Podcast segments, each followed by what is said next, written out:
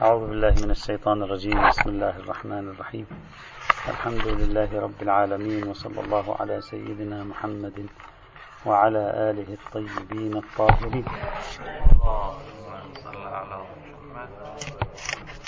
أزلنا في استعراض روايات المجموعة الأولى التي تتضمن كلمة الرأي أو مفردة الرأي أو مفهوم الرأي.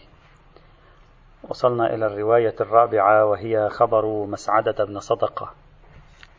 مسعد بن صدقة يقول حدثني جعفر عن أبيه عليهما السلام أن عليا صلوات الله عليه قال من نصب نفسه للقياس لم يزل دهره في التباس ومن دان الله بالرأي لم يزل دهره في ارتماس.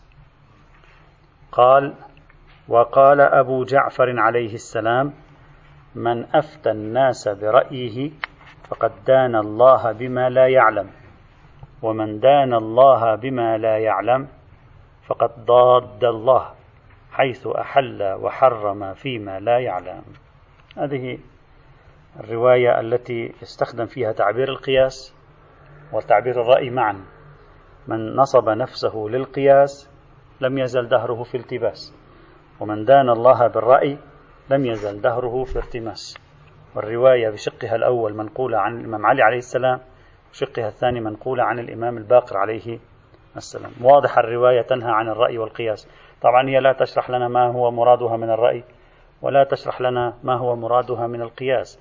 كل الاحتمالات مفتوحة هنا. لا نستطيع أن نعرف ما هو المراد هنا إلا أن نرصد الواقع التاريخي أو نرصد سائر الروايات المحيطة بالموضوع لنقارنها مع هذه الرواية ونفهم ماذا يريد الإمام هنا من كلمة القياس وماذا يريد من كلمة الرأي. وإلا نفس الرواية ليست واضحة. طبعا الرواية في تركيبتها من نصب نفسه للقياس كذا ومن دان الله بالرأي كذا. ظاهرها أن القياس والرأي شيئان. هكذا ظاهر. من نصب نفسه للقياس فهو كذا ومن دان الله بالرأي فهو كذا. ظاهرها الأول أنهما شيئان. في حين كثير من العلماء خاصة عند الإمامية كانوا يتصورون أن الرأي والقياس كلمتان لمعنى واحد. فعندما تقول أنا أعمل بالرأي يعني أنا أعمل بالقياس. عندما تقول أنا أعمل بالقياس فأنا أعمل بالرأي. ولذلك علق هنا الفيض الكاشاني رحمه الله. ماذا قال الفيض الكاشاني؟ قال وفي هذا الحديث دلالة ظاهرة على أن الرأي غير القياس. خلاف ما فهمه جمهور متأخري فقهائنا من الاتحاد. هذا يدل على أن جمهور المتأخرين في زمانه. من الفقهاء كانوا يفهمون أن الرأي والقياس شيء واحد. في حين يحاول الفيض الكاشاني هنا أن يقول الرأي شيء والقياس شيء آخر. وظاهر الرواية التمييز بينهما في هذا المجال. إذا هذه يعني ممكن يكون نفسه لكن تكرار التراكيب لأجل إدانة أمر واحد هذا معقول. ممكن في اللغة العربية ممكن. لكن التركيبة الأولية تعطينا أنهما اثنان. فممكن حينئذ يكون المراد بالقياس. قياس شيء على شيء. أو المراد بالقياس. أن تجعل عقلك معيارا في الحكم على النصوص كما هو الفرضية الثالثة. وممكن في المقابل يكون المراد بالرأي أن تجتهد أنت فيما ترى إذا لم يكن هناك نص. خارج إطار عملية مقايسة. هذا احتمال. الرواية لا تعطينا أي شيء لا تفهمنا أي خاصة وأن الرواية علوية. يعني الإمام علي أصلا لا يتكلم ما هو المراد بالقياس وما هو المراد بالرأي. ما في شيء من هذا القبيل. ومن هنا يعلم من خلال حتى من خلال هذه الرواية قل من دان الله بالرأي لم يزل دهره في ارتماس ثم يكمل عن أبي جعفر ويقول من أفتى الناس برأيه فقد دان الله بما لا يعلم. يعلم أن الدعوة التي يطلقها بعض الفقهاء مثل السيد رضا الصدر رحمة الله تعالى عليه سيد رضا الصدر رحمة الله تعالى عليه عنده كتاب اسمه الاجتهاد والتقليد. هناك يطرح أفكار. من جملة الأفكار التي يطرحها يعلق على مسلك الرأي. ينتقد أهل السنة في مسلك الرأي. إشكاله على أهل السنة هكذا. يقول إن في استخراج الحكم الشرعي بالرأي تناقض خفي. يعني مفارقة نسميها باللغة العربية. كيف؟ حكم الشرعي بالرأي. وهو هذا شرعي يعني رأي الله. بالرأي يعني رأيي أنا. فأنت تعطي رأيك وهذا رأيك. فكيف كان رأي الله؟ وإذا كان رأي الله فهو رأي الله. فكيف كان رأيك؟ ففهم السيد رضا الصدر أنه عندما نقول أنا أجتهد برأيي يعني أنا أشخص وأصدر أنا حكما. فهذا حكمي. فكيف إذا كان حكمك تقولون هو حكم شرعي؟ هكذا تصورها إلا أن تصوره في تقدير غير دقيق. لا أدري هل هو كان جالس مع نفسه يحلل القضية افتراضا أو لا. هذا لا وجود له عند أهل السنة بهذا المعنى. عادة الذي يقول أجتهد برأيي عادة لا أقل المتأخرين منهم يعني بعد القرن الثاني الهجري. هكذا يقول. يقول أنا أرى المصلحة في شيء أظن أن المصلحة هنا الظن بالمصلحة يساوي الظن بالحكم لوجود علاقة بين الحكم والمصلحة. وهذا رأيناه أصلا في العام الماضي عندما تكلمنا عن فقه المصلحة رأينا أنهم فعلا يستدلون بذلك ومنهم الفخر الرازي وغيره. ما معنى اجتهاد الرأي؟ يعني أنا أرى مصلحة بدرجة 90% أعتبر أن هنا توجد مصلحة. كلما وجدت مصلحة في شيء وجد حكم لله في شيء. الظن بالمصلحة يساوي الظن بالحكم لله والظن في الفروع حجة. هذا هو مسلك الرأي. نوع من الكاشف. فهو لا يقول هذا رأيي وليس رأي الله وفي الوقت عينه يقول هو رأي الله. لا هو يجعل رأيه طريق إلى رأي الله سبحانه وتعالى من خلال مفهوم التلازم بين الظن بالمصلحة والظن بالحكم. إذ هذا التلازم ضرب من التلازم بين الظن بالعلة والظن بالمعلول. وكبرى حجية الظن في الفروع ثابتة عندهم. فلا, فلا يرد إشكال السيد رضا الصدر أن هذا تناقض. وهذه ولذلك الرواية ماذا قالت؟ قالت ومن أفتى الناس برأيه فقد دان بما لا يعلم. حيث أحل وحرم فيما لا يعلم. يعني لا يدري أنه حلال أو حرام. فلا يعلم أنه طابق حكم الله أو لم يطابق حكم الله. فمشكلة الرأي أننا لا نحرز المطابقة لحكم الله تبارك وتعالى. وهذا يعني أن الرأي أخذ كطريق لمعرفة حكم الله سبحانه وتعالى في هذا المجال. أضف إلى هذه لتوضيح الرواية. الرواية واضحة لا نريد نطيل فيها. طبعا الإشكاليات التي تكلمنا عنها في الحديث النبوي كيف النبي يتكلم عن القياس كيف يتكلم عن الرأي كيف يتكلم عن التشبيه نفسها بنفس البحث تأتي هم هنا أيضا. الإمام علي هم أيضا يقول يتكلم عن القياس يتكلم عن الرأي ما هي معناها؟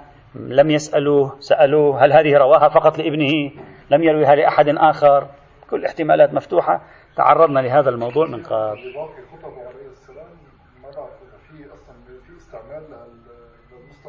موجود موجود. سيأتي معنا أن هناك بعض الروايات القليلة طبعا منقولة عن النبي والإمام علي بالخصوص. ليس فقط هذه الرواية. نعم نعم موجود هذا الآن نحن رأينا النبي حسب الرواية التي مرت معنا ورد مصطلح القياس. وهذه مما تثير أسئلة. على أي حال هذه الرواية من حيث الدلالة قلنا يعني دالة لكن لم توضح لنا ما هو مرادها بالقياس وما هو مرادها بالرأي. يجب أن ننظر في السياق التاريخي وفي سائر الروايات. هذا أولا. ثانيا الرواية في سندها مسعد بن صدقة وبحسب بحثنا في مسعد بن صدقة لم تثبت وثاقته.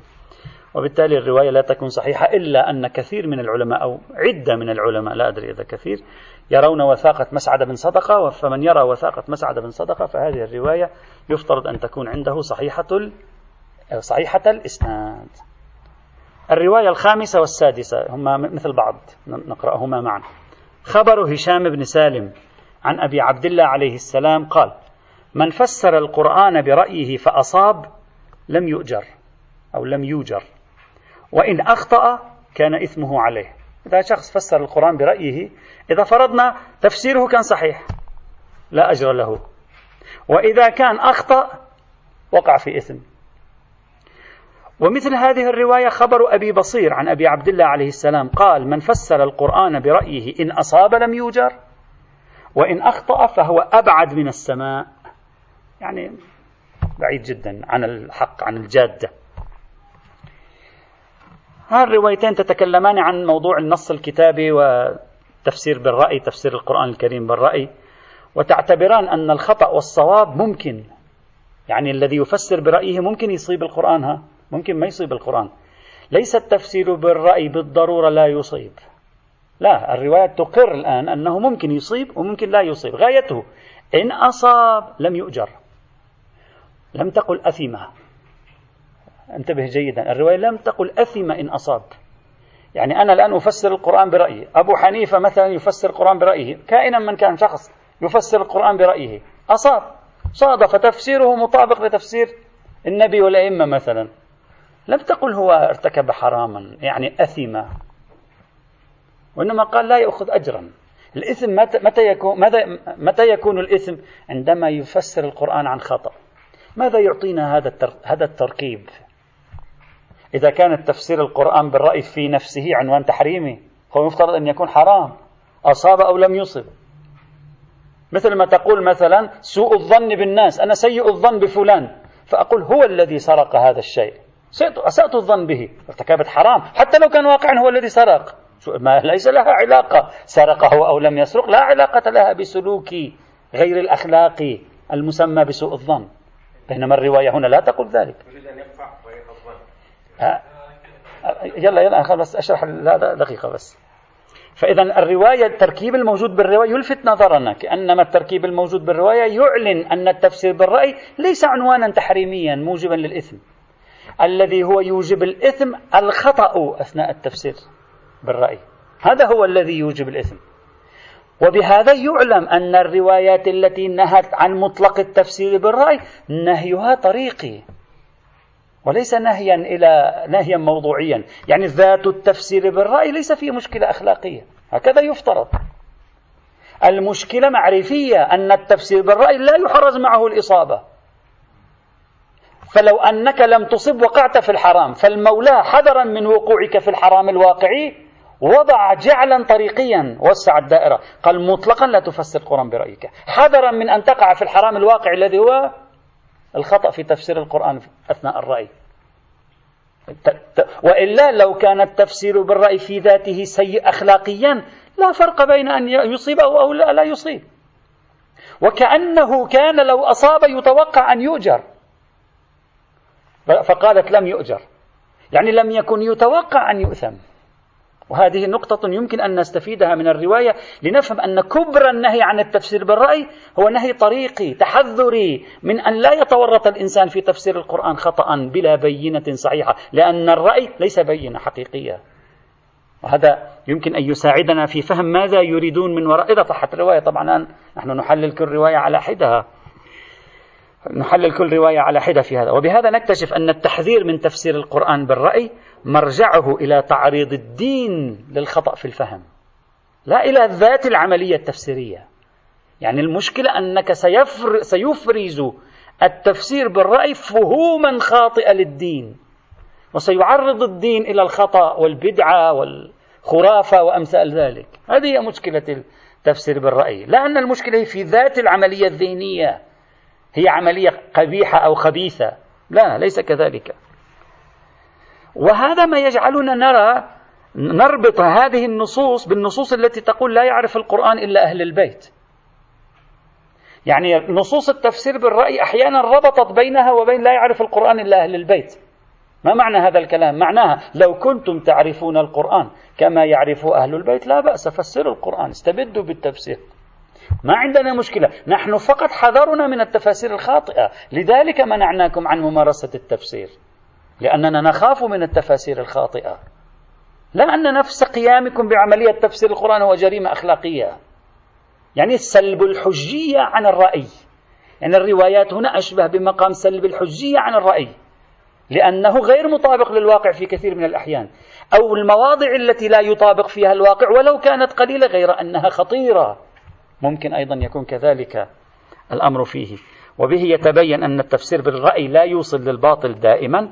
ونعرف أن بعض النصوص المتقدمة مثل الرواية الرابعة تؤكد أن الذهاب خلف الرأي يؤدي إلى الارتماس يعني يؤدي إلى الخطأ الإيغال في الخطأ الوقوع في الخطأ هذا معنى الارتماس يعني الإيغال في الأخطاء يؤدي إلى الالتباس عدم وضوح الشيء يؤدي إلى الارتماس الإيغال في الأخطاء كما ذكرت الرواية السابقة التي قرأناها.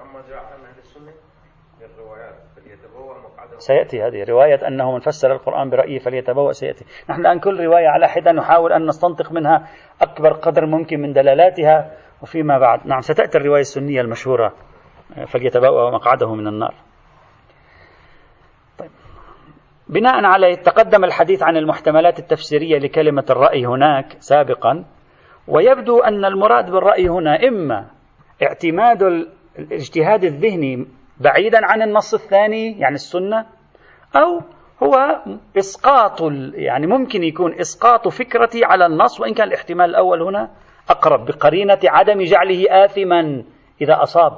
لأنه إذا كان هو يسقط يعني غير موضوعي لا موضوعية أثناء النظر هذه رذيلة أخلاقية. فينبغي أن يكون قد ارتكب رذيلة أخلاقية ولو أصاب. في حين الرواية لا تشير إلى أنه ارتكب رذيلة أخلاقية إذا كان قد أصاب. وهذا يرجح أن المراد من التفسير بالرأي هنا مطلق النظر. مطلق النظر ولو سواء كان أخلاقيا أو غير أخلاقي يعني في مقابل الأخذ عن أهل البيت عليهم الصلاة والسلام. هو هذا هذا اللي قلنا سلب الحجية. هو هذا كلامكم. نعم صحيح. يعني سلب الحجية يريد أن يقول هذا مشكلتي معه أنه لا يوصل للواقع لا يوصل بالواقع بالطريقة التي تعطينا الأمان. فأنا أسلب عنه الحجية ليس طريقا مؤمنا.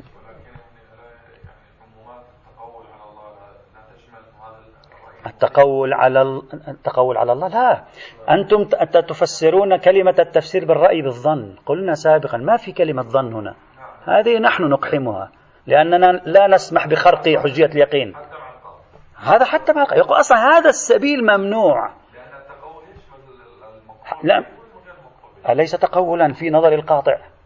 الرواية لا تقول في ظرف قطعك. هذه نحن نلاحظ هذه الأشياء. الرواية تقول هذا السبيل خاطئ. كله من أصله خ... إن أصبت فيه ليس لك أجر. ما استفدت شيء. حتى لو أصبت الواقع. سواء كان إصابتك للواقع عن طريق الظن أو كانت إصابتك للواقع عن طريق اليقين. ما ما تتكلم عن يقين. قلنا سابقا عبارات التفسير بالرأي أعم من اليقين والظن. وهذا ينسجم مع مسالك الإخباريين. يعني ما قاله الإخباريون هنا أقرب إلى الحقيقة وإلى الواقع من هذه الزاوية. أنت حصل لك يقين كأنما هذه الروايات تقول لك أصلا لا ينبغي أن تدخل هذا الطريق ليحصل لك يقين أو لا يحصل. هذا الطريق من الأول الغوه وأي إشكال أن تكون كثير من القطوعات التي يقع فيها الناس بهذا الطريق خاطئة والمولى يعرف أن قطوعاتهم كثير منها ستكون خاطئة ويقولون من الأول أصلا لا تسلكوا هذا الطريق. أنا لا أريدكم أن تسلكوا. حتى لو كان يوصلكم في بعض الموارد إلى قطع. لا أريد. أنا لا أريد يا أخي. أنا عندي حماية لديني لا أريدكم أن تسلكوا هذا الطريق. هذا أقرب إلى فهم الرواية حينئذ بعيدا عن ثنائية الظن والقطع كما فهم كثير من ال يعني عموما الأصوليون هكذا. دائما اليقين خارج عن الإطار تخصصا. بينما الروايات لا تتكلم ذلك.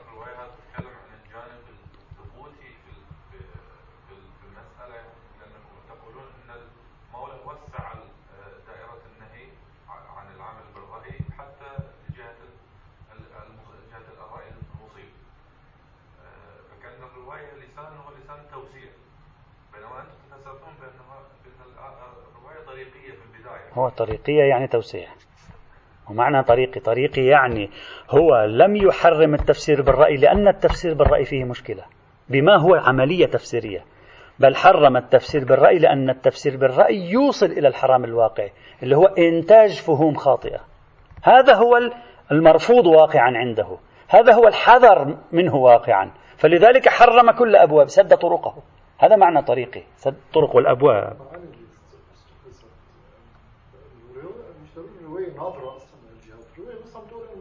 إذا أصبت من خلال رأيك لا تفرح لا كذا. ما عم تقول إنه هذا نفس هذا هذا العمل أخلاقي أو غير أخلاقي أو أو يؤثم عليه أو غير يؤثم. مش ناظرة له. كيف غير ناظرة؟ شيخنا الرواية صريحة ليس فقط غير ناظرة. في البداية يقول لم يؤجر في الجزء الثاني يقول أثمة نظرها إلى الإثم أصلا كيف غير ناظرة؟ أصلا أولا وبالذات هي ناظرة إلى حيثية الإثم. فتقول هذا يؤثم هذا لا يؤجر. لم تقل يؤثم الأول. لم تقل كلاهما لا يؤجر. قالت هذا لا يؤجر وهذا يؤثم. بقرينة المقابلة بينهما نحن بدأنا بعملية التحليل هذه. نعم الهدف من وراء ذلك هو رفض هذا الطريق. صحيح. هذا مقبول 100% هذه هذا طبعا الروايتين مع يعني كل هذا التحليل الروايتان وردتا في كتاب واحد فقط وهو كتاب تفسير العياشي ولا سند لهما مع الأسف الشديد. على أي حال نبقيهما حتى نراكم الروايات معا. الرواية السابعة خبر البرقي قلنا تلك الخامسة والسادسة. قلنا الخامسة والسادسة خبر هشام ومثله خبر أبي بصير. السابعة خبر البرقي في كتاب المحاسن عن أبيه. قال عن أبي عبد الله عمن ذكره عن أبي عبد الله عليه السلام في رسالة. يبدو الإمام الصادق أرسل رسالة. قال الرواية هذه شوي مهمة. قال وأما ما سألت من القرآن طبعا رواية طويلة لكن فيها. وأما ما سألت من القرآن فذلك أيضا من خطراتك المتفاوتة المختلفة لأن القرآن ليس على ما ذكرت وكل ما سمعت فمعناه غير ما ذهبت إليه. وإنما القرآن أمثال لقوم يعلمون دون غيرهم. ما معنى أمثال لقوم يعلمون؟ القرآن القرآن لا يقول أمثال القرآن. القرآن كله أمثال لقوم يعلمون. يعني كل القرآن مضروب ضرب المثل. يعني كل القرآن مأخوذ عنه المثال لقوم يعلمون يذهبون إلى ما يشير إليه. أشبه بأمثلة. وأنت عليك أن تستنتج القواعد من الأمثلة. وإنما القرآن أمثال لقوم يعلمون دون غيرهم ولقوم يتلونه حق تلاوته وهم الذين يؤمنون به ويعرفونه. فأما غيرهم فما أشد إشكاله, إشكاله عليهم وأبعده من مذاهب قلوبهم. ولذلك قال رسول الله صلى الله عليه وعلى آله ليس شيء بأبعد من قلوب الرجال من تفسير القرآن. وفي ذلك تحير الخلائق أجمعون إلا من شاء الله. طيب يعني القرآن أمره صعب والذي يستطيع أن يفهمه إلا من شاء الله والخلائق أجمعون متحيرون في أمره. يعني كتاب صعب كتاب صعب. شو يقول العلامة الطبطبائي يقول بين مبين ظاهر جلي. كتاب صعب الرواية واضحة محير للخلائق أجمعين إلا من شاء الله. ثم يقول وإنما أراد الله بتعميته. إذا يؤكد أن القرآن معمى. الرواية الصريحة أن القرآن طلسم الغاز. والله أراده أن يكون الغازا. مش أنه ليس كذلك لا أراده كذلك. وإنما أراد الله بتعميته في ذلك. ما السبب؟ مثل ما أرى مثل ما سئل السيد الخوئي مرة يقولون سئل السيد الخوئي مرة لماذا تجعلون الرسالة العملية هكذا معقدة؟ بسطوها حتى الناس تفهم. قال إذا جعلنا الناس تفهم لا أحد يذهب إلى المشايخ يسألهم. هذا تنقل عن السيد الخوئي. لا جدا أنا ما منقول يعني بعدة طرق لا أدري لكن كثير معروفة. وجهة نظر يعني في نهاية المطاف فيها. نفس الشيء هنا يقول. يقول لو كان القرآن بين الناس لا ترجع إلى أهل البيت. خلاص يرجعون للقرآن يفهمون القرآن. يقول وإنما أراد الله بتعميته في ذلك أن ينتهوا إلى بابه وصراطه. هذه هي. فيعرف تفسيره من خلال الباب. وأن يعبدوه وينتهوا في قوله إلى إطاعة القوام بكتابه والناطقين عن أمره وأن يستنطقوا ما احتاجوا إليه من ذلك عنهم عن أهل البيت لا عن أنفسهم. مش من عندك أنت. ثم قال ولو ردوه إلى الرسول وإلى أولي الأمر منهم لعلمه الذين يستنبطونه منهم. فأما غيرهم غير هؤلاء فليس يعلم ذلك أبدا ولا يوجد. ما في أحد يعرف. وقد علمت أنه لا يستقيم أن يكون الخلق كلهم ولاة الأمر. فقط بعضهم ولاة الأمر الذين يستنبطونه. فقط قليل. إذ لا يجدون من يأتمرون عليه. ولا من يبلغونه أمر الله ونهيه فجعل الله الولاة خواص ليقتدى بهم أو ليقتدي بهم من لم يخصصهم بذلك فافهم ذلك إن شاء الله. طيب الآن الشاهد. قال وإياك وإياك وتلاوة القرآن برأيك. خلي خط تحت كلمة تلاوة القرآن. ما معنى تلاوة القرآن بالرأي؟ ما قال تفسير القرآن بالرأي؟ هذه رواية وحيدة استخدمت كلمة تلاوة القرآن بالرأي. لم أعثر على رواية أخرى في كتب الحديث عند المسلمين تستخدم التلاوة بالرأي. الآن سنحللها. فيستخدم فكرة الرأي لكن مربوطة هذه المرة بالتلاوة ليست مربوطة بالتفسير. يقول وإياك وإياك وتلاوة القرآن برأيك فإن الناس غير مشتركين فإن الناس غير مشتركين في علمه كاشتراكهم فيما سواه من الأمور ولا قادرين عليه ولا على تأويله إلا من حده وبابه الذي جعله الله له.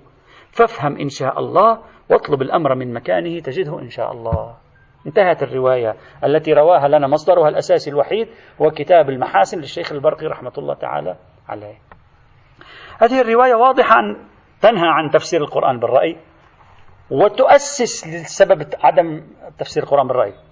أنت ليش لماذا ممنوع تفسر القرآن برأيك؟ لأنك ما بتعرف تفسر. أنت ممنوع تفسر القرآن برأيك لأنك لا تعرف. ها هو السبب. لأنك إذا أردت أن تفسره برأيك لم تستطع أن تفسره بطريقة جيدة. ستقع في أخطاء كثيرة. فحذرا من أن تقع في أخطاء كثيرة؟ هذا هذا أولا. ثانيا الممنوع أن تفسره برأيك. ليس فقط لأنك لا تعرف بل لماذا لا تعرف؟ لأن الله جعله أسرارا حتى تذهب إلى الطريق الصحيح لمعرفة تفسيره وهو أهل البيت عليهم السلام. إذا تركيبة الرواية واضحة.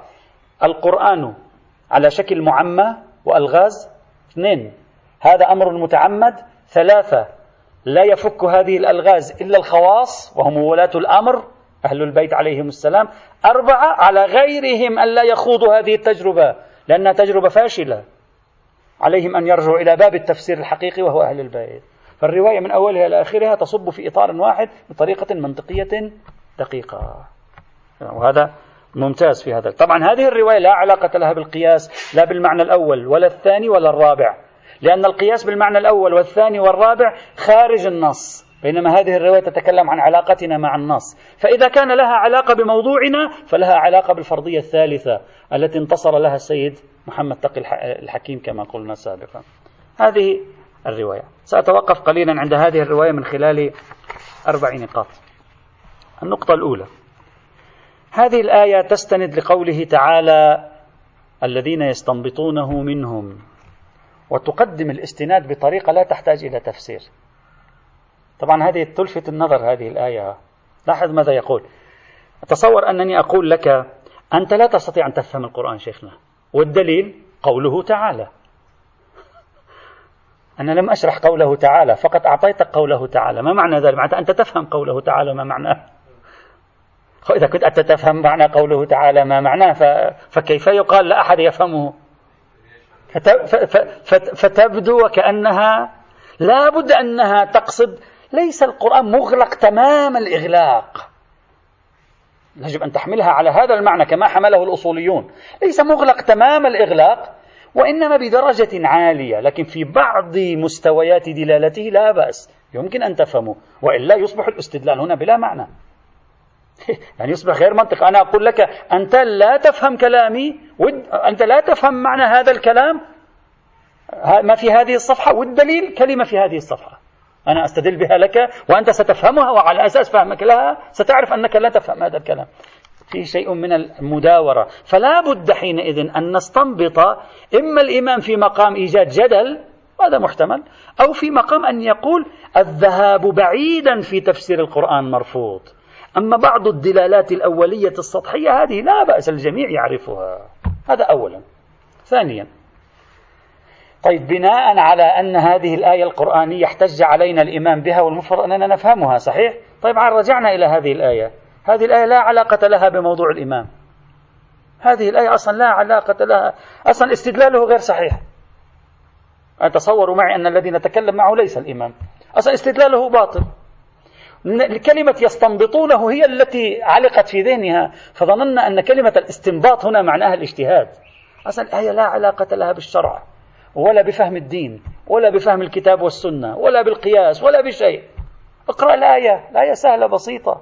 قال تعالى وإذا جاءهم أمر من الأمن أو الخوف أذاعوا به. ما معنى؟ يتكلم عن المنافقين. إذا إجا خبر أن العدو يتربص مباشرة بدأوا ينشرون القضية في أوساط أهل المدينة. آه هناك جيوش كبيرة العدو سوف يضرب العدو سوف كذا يبدأ يذيع حتى ماذا؟ يحدث حالة ماذا؟ وإن منكم لما ليبطئن. تثبيط يسوي تثبيط في الأمة. إذا جاءهم أمر من الأمن أو الخوف يبدأ يشيعه حتى يستفيد منه بطريقة تضعف الموقف. قال وإذا جاءهم أمر من الأمن أو الخوف أذاعوا به. ولو ردوه. ردوه أي هو الردوه؟ الأمر الذي من الأمن أو الخوف. من هم هؤلاء؟ هؤلاء الذين نتكلم عنهم في المدينة. ولو ردوه إلى الرسول وإلى أولي الأمر منهم. من هم أولي الأمر هنا؟ يعني قادة الجند قادة الأمن القوات المسلحة الأشخاص المعنيين بتتبع أحوال العدو. ولو ردوه إلى الرسول وإلى أولي الأمر منهم لعلمه. من الذي علمه؟ يعني علم حقيقة الأمر أنه جاء خبر من الأمن أو الخوف. لعلمه من؟ الذين يستنبطونه يستنبط يعني يتحسس باللغة العربية. يعني أولئك المتتبعين للأمر القادرين على جلب المعلومات. أخبروهم. أنت جئت بمعلومة تحدث الذعر في أوساط المؤمنين. قبل أن تنشرها اذهب إلى الأشخاص المعنيين بأمر هذه المعلومات.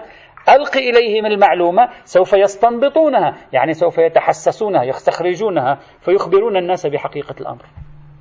أصلا قبل هذه الآية بعشر آيات بعدها هم أيضا ماذا يقول؟ فقاتل في سبيل الله لا تكلف إلا نفسك كلها عن موضوع الجهاد والآية هذه في سورة النساء.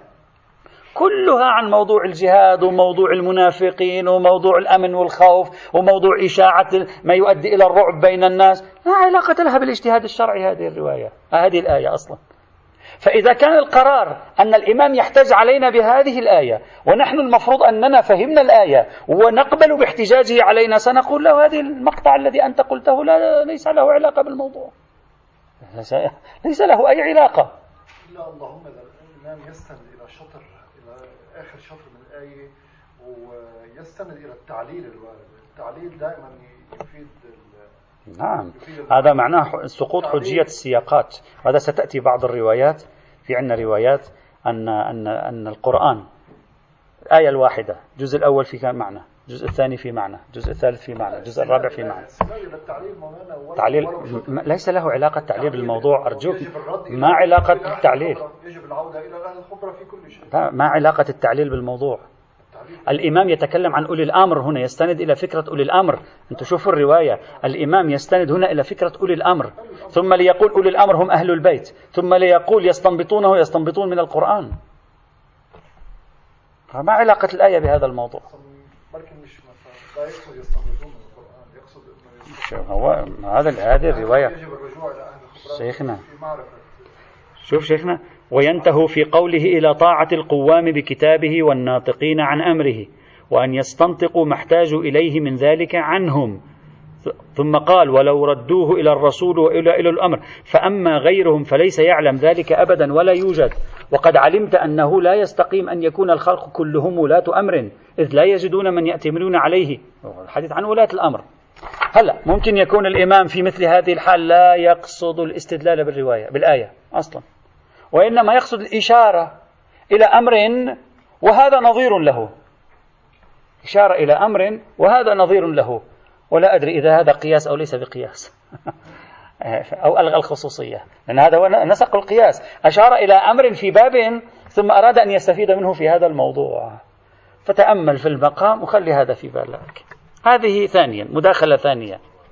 نحن المداخلات هذه ليست كلها نقدية. بعض المداخلات الهدف منها التحليل. بعض المداخلات الهدف منها تفكيك أجزاء الرواية لنفهم أكثر. بعضها نقدي آه إلى آخره متنوعة عندما نسجلها. ثالثا ما معنى تلاوة القرآن بالرأي؟ كيف يعني واحد يتلو القرآن برأيه؟ يعني في طريقة نتلو برأينا ونتلو بغير رأينا؟ ما هو المقصود من التلاوة بالرأي؟ هنا وهو يتكلم عن موضوع معنى القرآن وفهم القرآن كله هكذا بهذا المعنى. محققو كتاب بحار الأنوار بحار الأنوار نقل هذه الرواية عن المحاسن. الذين حققوا البحار كتبوا في الأسفل كلمة تأويل القرآن بالرأي. لكنني لم أجد هذه الكلمة في هذه الرواية لا في المحاسن ولا في الكتب التي نقلت عن المحاسن. ولا أدري ماذا يقصدون. أصلا كلمة كلمة تلاوة لا ما في كلمة تأويل. احتمل أن يكون حصل تصحيف تلاوة تأويل قريب من بعض. ممكن أن يكون حصل تصحيف. لكن نحن الآن نتعامل مع كلمة تلاوة. لنرى ما ماذا الذي يمكن أن يكون في مثل هذا المقام؟ رغم أن هذه الرواية هي الرواية الوحيدة عن كلمة تلاوة القرآن بالرأي. هذا الموضوع يذكرني بما ذكره غير واحد من الباحثين على رأسهم المستشرق الغربي أجناس جولد سيهر أو جولد زيهر على طريقة الذين. جولد سيهر عنده كتاب اسمه مذاهب التفسير الإسلامي. يدرس فيه حركة التفسير الإسلامي من القرن الهجري الأول لزمن الصحابة إلى القرن العشرين وهو توفي سنة 1921 يدرس إلى حتى يتكلم عن حركة الإصلاح الديني في مصر وفي بلاد الهند بشكل سرد تحليلي. في الفصول الأولى يتكلم عن تفسير القرآن في عصر الصحابة وما تلا عصر الصحابة. يدعي جولسيهر ادعاء طبعا بعدين تطور هذا الادعاء أن القراءات القرآنية لها سببان. لماذا تعددت القراءات القرآن؟ يقول في سببين. سبب كلنا نعرفه وعادة نقرأه في الكتب. وهو عبارة عن اختلاف اللهجات. مثلا آه، السفر أم سفر. وهكذا اختلاف اللهجات. أدراك أدريك. لهجات تختلف توجب اختلافا في الآيات القرآنية. وهذا صحيح. لأن نسبة كبيرة من اختلاف القراءات إذا أنت تراجع معجم القراءات القرآنية نسبة كبيرة من الاختلافات مرجعها إلى اللهجات. اهدنا الصراط المستقيم. وإهدنا الصراط المستقيم. كلها موجود. سين وصاد طيب إذا هذه محتملات. ويقول ويوجد سبب ثاني وهو تفسير القرآن. أصلا هو يعتبر أن القراءات هي تفاسير. هي الشكل الأول البدائي لتفسير القرآن. يعني يأتي الباحث ينظر في الآية القرآنية هو فهمه أن الوضوء لا بد فيه من المسح لا بد فيه من المسح مسح القدمين فيقول وامسحوا برؤوسكم وأرجليكم. إن هو هكذا قناعته أن الوضوء هكذا. فيقرأ الآية في ضوء تفسيره وفهمه هو للمضمون. بينما الذي يعتقد بأنه الرجل لا بد لنا أن نغسلها يقوم بقراءة الآية بالفتح. ويقول وامسحوا برؤوسكم وأرجلكم إلى الكعبين. يقول البدايات الأولى لعملية تفسير القرآن عند المسلمين ظهرت على شكل قراءات. لأن بعض القراءات لا علاقة لها باللهجات أصلا. جلكم وجلكم شو علاقتها باللهجة؟ يعني في قوم من العرب الهمزة يجعلونها فتحة الفتحة يجعلونها كسرة وقوم آخرين من العرب الكسرة يجعلونها فتحة؟ ما عندنا هكذا. اللهجة ممكن تكون صراط الصراط أدراك وأدريك. ممكن هذه لهجات لكن هذه كيف تفهم اللهجات فيقول ليس من سبب لظهور القراءات القرآنية إلا أنهم كانوا يعملون اجتهادهم في معنى الآية. اعتمادا على معطيات متنوعة فكل واحد كان يقدم اجتهاده بقراءة مختلفة. إذا صح هذا الرأي أنا فقط للمراجعة أنا عندي مقال كتبته عن جولدتسيهر. في كتابه هذا عن رأي عن تحليلات جولدتسيهر في مذاهب التفسير الإسلامي وتطور تاريخ التفسير عند المسلمين. عندي مقال كتبته طبع في مجلة المنطلق الجديد العدد السادس من مجلة المنطلق الجديد في بيروت سنة 2003 يعني تقريبا قبل 17 سنة. عنوان المقال الاستشراق وتاريخية التفسير القرآني مع جولد سيهر في مذاهب التفسير الإسلامي. هناك أيضا توقفت مع هذه الفكرة حاولت أن أناقش فيها وإن كنت أعتقد بأنه ليس بعيدا عن الصواب في الجملة في الجملة ليس بعيدا عن الصواب. فإذا بنينا على فكرته. سوف نستطيع أن نفهم كلمة التلاوة بالرأي. يعني ما معنى التلاوة بالرأي؟ يعني أن تقرأ القرآن معتمدا على فهمك للآية فتخرج قراءة متناسبة مع فهمك. متناسبة مع رأيك. تصبح الكلمة منطقية جدا. ولا نحتاج إلى أن نقول هذا تصحيف كلمة تأويل. تصبح منطقية جدا. يعني أن ما معنى تتلو القرآن برأيك؟ أي تعتمد قراءة للقرآن قائمة على ما تفهمه أنت وتقاربه من أطراف الآيات القرآنية ومن قراء خارجية. ولذلك مثلا المرحوم عالم سبيط النيلي رحمة الله تعالى عليه يقول إذا تعددت القراءات القرآنية كيف أرجح قراءة على قراءة؟ عندي قراءة بالكسر وقراءة بالفتح. كيف أرجح قراءة على قراءة؟ يقول أرجح قراءة على قراءة بالاجتهاد هذا اجتهادي. أنا مثلا أرى هذه القراءة منسجمة مع نظريتي في اللغة الموحدة في المنهج القصدي فأقول هذه القراءة الصحيحة. وهذا ما قاله أيضا الدكتور نصر حامد أبو زيد رحمه الله. هم أيضا تكلم في موضوع القراءات وأشار إلى هذه النقطة. فإذا النهي عن تلاوة القرآن بالرأي يساوي النهي عن نوع من تفسير القرآن برأيك وإنتاج قراءة متناسبة مع هذا التفسير. وهذا ممكن يكون قريب. هذا إذا صحت هذه الفكرة ممكن أن يكون هذا هو المراد العلم عند الله. رابعا. اختلاف القراءات نادر؟ لا تكاد تكون آية إلا فيها اختلاف. أنت شايف معجم القراءات القرآنية؟ أوه. معجم القراءات القرآنية سبع مجلدات. ليس نادر أبدا. نعم الأكثر ليس قليل. كل آية تقريبا فيها اختلاف قراءات. تقريبا يعني. كل آية فيها اختلاف. لكن كثير من اختلاف القراءات لا يشكل خطرا. يعني الآخرون أحيانا يضخمون القضية. أوه اختلاف القراءات يعني القرآن محرف يعني القرآن كذا. لا عندما تجري جردة يعني تجري إحصاء تعرف أنه ربما أنا لا, لا ليس عندي إحصاء دقيق ربما 80 90% من اختلافات راجع إلى لهجة نفس الكلمة لكن اللهجات تختلف. معانيهم أيضا تختلف. شيخنا ما هو الجلسير ماذا قال؟ قال القرآن ليس فيه نقط ولا حروف آه، نقط ولا تشكيل. فكل واحد يجتهد في ماذا تريد الآية؟ مثلا إن جاءكم فاسق بنبأ فتبينوا. في عندنا قراءة فتبينوا عندنا قراءة فتثبتوا. يوجد اختلافات بالدقة اللغوية. قد تجد اختلافات. فأنا أجلس هنا أقول أيه الأنسب هو ما موجود موجود هذا فأقول هذه الأنسب فيها فتثبتوا. فأقرأها فتثبتوا فتنتشر قراءات فتثبتوا. طبعا هذا على زعم جولتسيرها والذين سلكوا مسلكه. أما على زعم آخرين أن هذا ليس صحيحا. لماذا ليس صحيحا؟ لأن القرآن لم ينتقل من بين الناس بواسطة كتب. القرآن انتقل شفاها. القرآن مثلا كم نسخة كان في القرآن من القرآن الكريم؟ سبعة من نسخ فقط. إلى سنة خمسين ستين للهجرة لا توجد عشر نسخ أصلا للقرآن. في العالم كله. عشر نسخ للقرآن في العالم كله. وما كان المسلمون يقرؤون القرآن وهم يجلسون على طريقتنا نحن الآن؟ لا يقرأ كيف يتعلم يسمعه. فالصوت هو الذي يأتيه. وإذا أتى الصوت بعد لا معنى لتبين وتتبع. الصوت يحدد لك تثبت وتبين. ولذلك وقع إشكال. كيف نجمع بين تعدد القراءات وبين تواتر القرآن شفويا ما هو المتواتر شفويا؟ وهذه بحثوها في محله رابعا وأخيرا في التعليق على هذه الرواية هذه الرواية مع الأسف الشديد ضعيفة السند. لأن البرقي يرويها عن أبيه محمد بن خالد. نحن بحثنا في محمد بن خالد قلنا لم تثبت وثقته. سلمنا بأنه ثقة. محمد بن خالد يرويها عمن ذكره ولا نعرف من هو هذا الذي ذكره. فبعد تفرد صاحب المحاسن بنقل هذه الرواية وتفرد والده بنقل هذه الرواية وكون الرواية مرسلة في حد نفسها لوحدها لا نستطيع أن نبني عليها لوحدها لكن بضمها إلى غيرها بالتأكيد يمكن البناء عليها كما سوف نرى. يوجد هنا نقطة مهمة أرجو التفت إليها. إذا راجعتم كتاب تفصيل وسائل الشيعة للحر العاملي ستجدون الحر العاملي ذكر السند بهذه الطريقة. قال البرقي عن ابن فضال عن ثعلبة بن ميمون عمن حدثه عن المعلى بن خنيس يذكر الرواية. وهذا خطأ. اشتبه الحر العاملي. الرواية التي قبلها فيها هذا السند. هو كأنما يمكن يفتح لم يلتفت إلى وجود السند في الوسط قرأ السند الذي قبله دون السند الذي قبله. هذا ليس سند هذه الرواية. هذا سند الرواية التي قبلها. وقد وقع خطأ من الحر العام ويشهد على هذا الخطأ أن النسخة الواصلة إلينا من كتاب المحاسن ليس فيها هذا السند. ويشهد أيضا أن العلامة المجلسي نقل هذه الرواية عن المحاسن. والأمين الاسترابادي نقل هذه الرواية عن المحاسن. والمحدث البحراني هم نقل هذه الرواية عن المحاسن.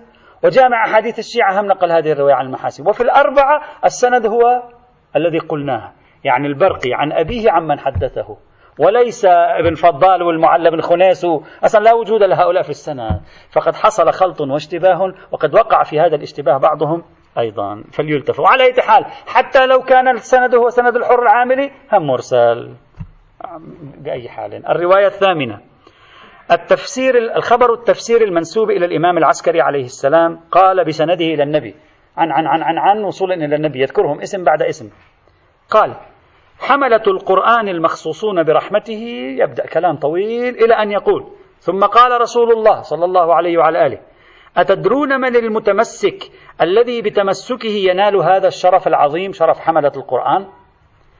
هو الذي أخذ القرآن وتأويله عنا أهل البيت. النبي يقول ذلك. أو عن وسائطنا السفراء عنا إلى شيعتنا. الرواية غريبة صحيح؟ النبي يقول الذي أخذ القرآن عنا أهل البيت أو عن وسائطنا السفراء عنا إلى شيعتنا. ليست مألوفة هذه التعبير من النبي ها؟ الآن سنرى. لا عن آراء المجادلين وقياس القائسين. يعني واضح رد للقياس ورد للرأي آراء المجادلين. فأما من قال في القرآن برأيه فإن اتفق له اتفق شوف اتفق له. هذا تعبير تعبير آه، علمائي. تعبير علماء. لذلك بعض العلماء قالوا تفسير الإمام العسكري أحد العلماء كتبه في القرن الرابع على ما يبدو أو الثالث وليس صحيحا. وسيد الخوي يقول تفسير موضوع على الإمام لا يليق بعالم فكيف بالإمام؟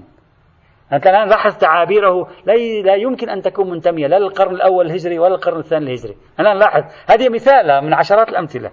يقول فأما من قال في القرآن برأيه فإن اتفق له مصادفة صواب فقد جهل في أخذه عن غير أهله. وكان كمن سلك طريقا مسبعا من غير حفاظ حفاظ يحفظونه يعني طريق أرض سباع. فإن اتفقت له السلامة فهو لا يعدم من العقلاء والفضلاء الذم والعدل والتوبيخ. فضلاء العقلاء والفضلاء الذم والتوبيخ. وإن اتفق له افتراس السبع له فقد جمع إلى هلاكه سقوطه عند الخيرين الفاضلين وعند العوام الجاهلين. وإن أخطأ القائل في القرآن برأيه فقد تبوأ مقعده من النار. وكان مثله كمثل من ركب بحرا هائجا بلا ملاح ولا سفينة صحيحة. لا يسمع بهلاكه أحد إلا قال هو أهل لما لحقه ومستحق لما أصابه. وقال صلى الله عليه وعلى آله ما أنعم الله عز وجل على عبد بعد الإيمان بالله أفضل من العلم بكتاب الله والمعرفة بتأويله. ومن جعل الله له في ذلك حظا ثم ظن أن أحدا لم يفعل به ما فعل به قد فضل على ما فعل به قد فضل عليه فقد حقر نعم الله عليه. هذه رواية الخبر المنسوب إلى الإمام العسكري سلام الله تعالى على هذه الرواية من عدة جهات تشبه الرواية الخامسة والسادسة اللي قرأناها قبل قليل خبر هشام بن سالم وخبر أبس. لا نعيد. ولا تضيف أي شيء. فقط تضيف كلمة الرأي وكلمة القياس بشكل مستقل دون أن تشرح لنا ما هو المراد بالرأي وما هو المراد بالقياس. فقط عندي تعليقين على هذه الرواية سريعا. حتى غدا نبدأ برواية أخرى. أولا الخبر ضعيف السند بعد المناقشات في صحة نسبة هذا التفسير للإمام بل بعض العلماء قال بأن هذا التفسير موضوع مختلق على الإمام. سيد الخوي يقول أصلا مختلق هذا على الإمام. ونحن سابقا قد بحثنا ولو بشكل مختصر حول هذا التفسير في كتاب دراسات في الفقه الإسلامي المعاصر في الجزء الأول صفحة 471 فما بعد. وقلنا بأن هذا التفسير لم يثبت. لا نقول موضوع لكن نقول لم يثبت. هذا أولا. ثانيا أيضا تركيبة لغة هذه الرواية تركيبة غير متناسبة مع زمن النبي صلى الله عليه وآله وسلم. عن شيعتنا الوسائط والسفراء بين هذه لغة القرن الثالث الهجري هذه. هذه ليس لغة القرن الأول لغة القرن الثالث السفراء والوسائط. هذه مصطلحات لم تكن معروفة أصلا على حال. أو مثلا تركيب تنتمي إلى القرن الثاني الهجري الجدل القياس الرأي العقلاء الفضلاء. هذه تعابير تنتمي العصر العباسي. لا نجد شيئا من هذه التعابير في العصر الأموي إلا إذا واحد قال هذه النبي قالها فقط للإمام علي والإمام علي يعرف وبعدين ظهرت لا كل واحد على الاحتمالات التي يقولها. رواية عن إمام ولكن صار في اشتباه من من من؟ الكاتب أو من ما هذا الاشتباه الذي تتكرر مثل هذه التعابير في كتاب حجمه 800 صفحة؟ يشتبه مرة واحدة مرتين. كتاب أنت أقرأ كتاب. اقرأ كتاب تفسير الإمام العسكري وشوف لغة هذا الكتاب. لو كان ها لو كانت الرواية هنا عن شخص الإمام العسكري ما عندي مشكلة. لأن شخص الإمام العسكري متناسب زمانه مع مثل هذه التعابير. ما في مشكلة. أما الرواية وكثير من رواياته نبوية وعلوية. أما مثل هذه اللغة عندما تنقل إلى مراحل متقدمة تبدو غريبة بعض الشيء. وعليه فهذه الرواية فيها دلالة على موضوع النهي عن الرأي دون أن توضح ما هو الرأي. وفيها دلالة على موضوع التفسير بالرأي أيضا وموضوع القياس ولكنها ضعيفة من حيث الإسناد. يأتي إن شاء الله بقية بضعة روايات حول الرأي لننتقل إلى المجموعة الثانية إن شاء الله. والحمد لله رب العالمين.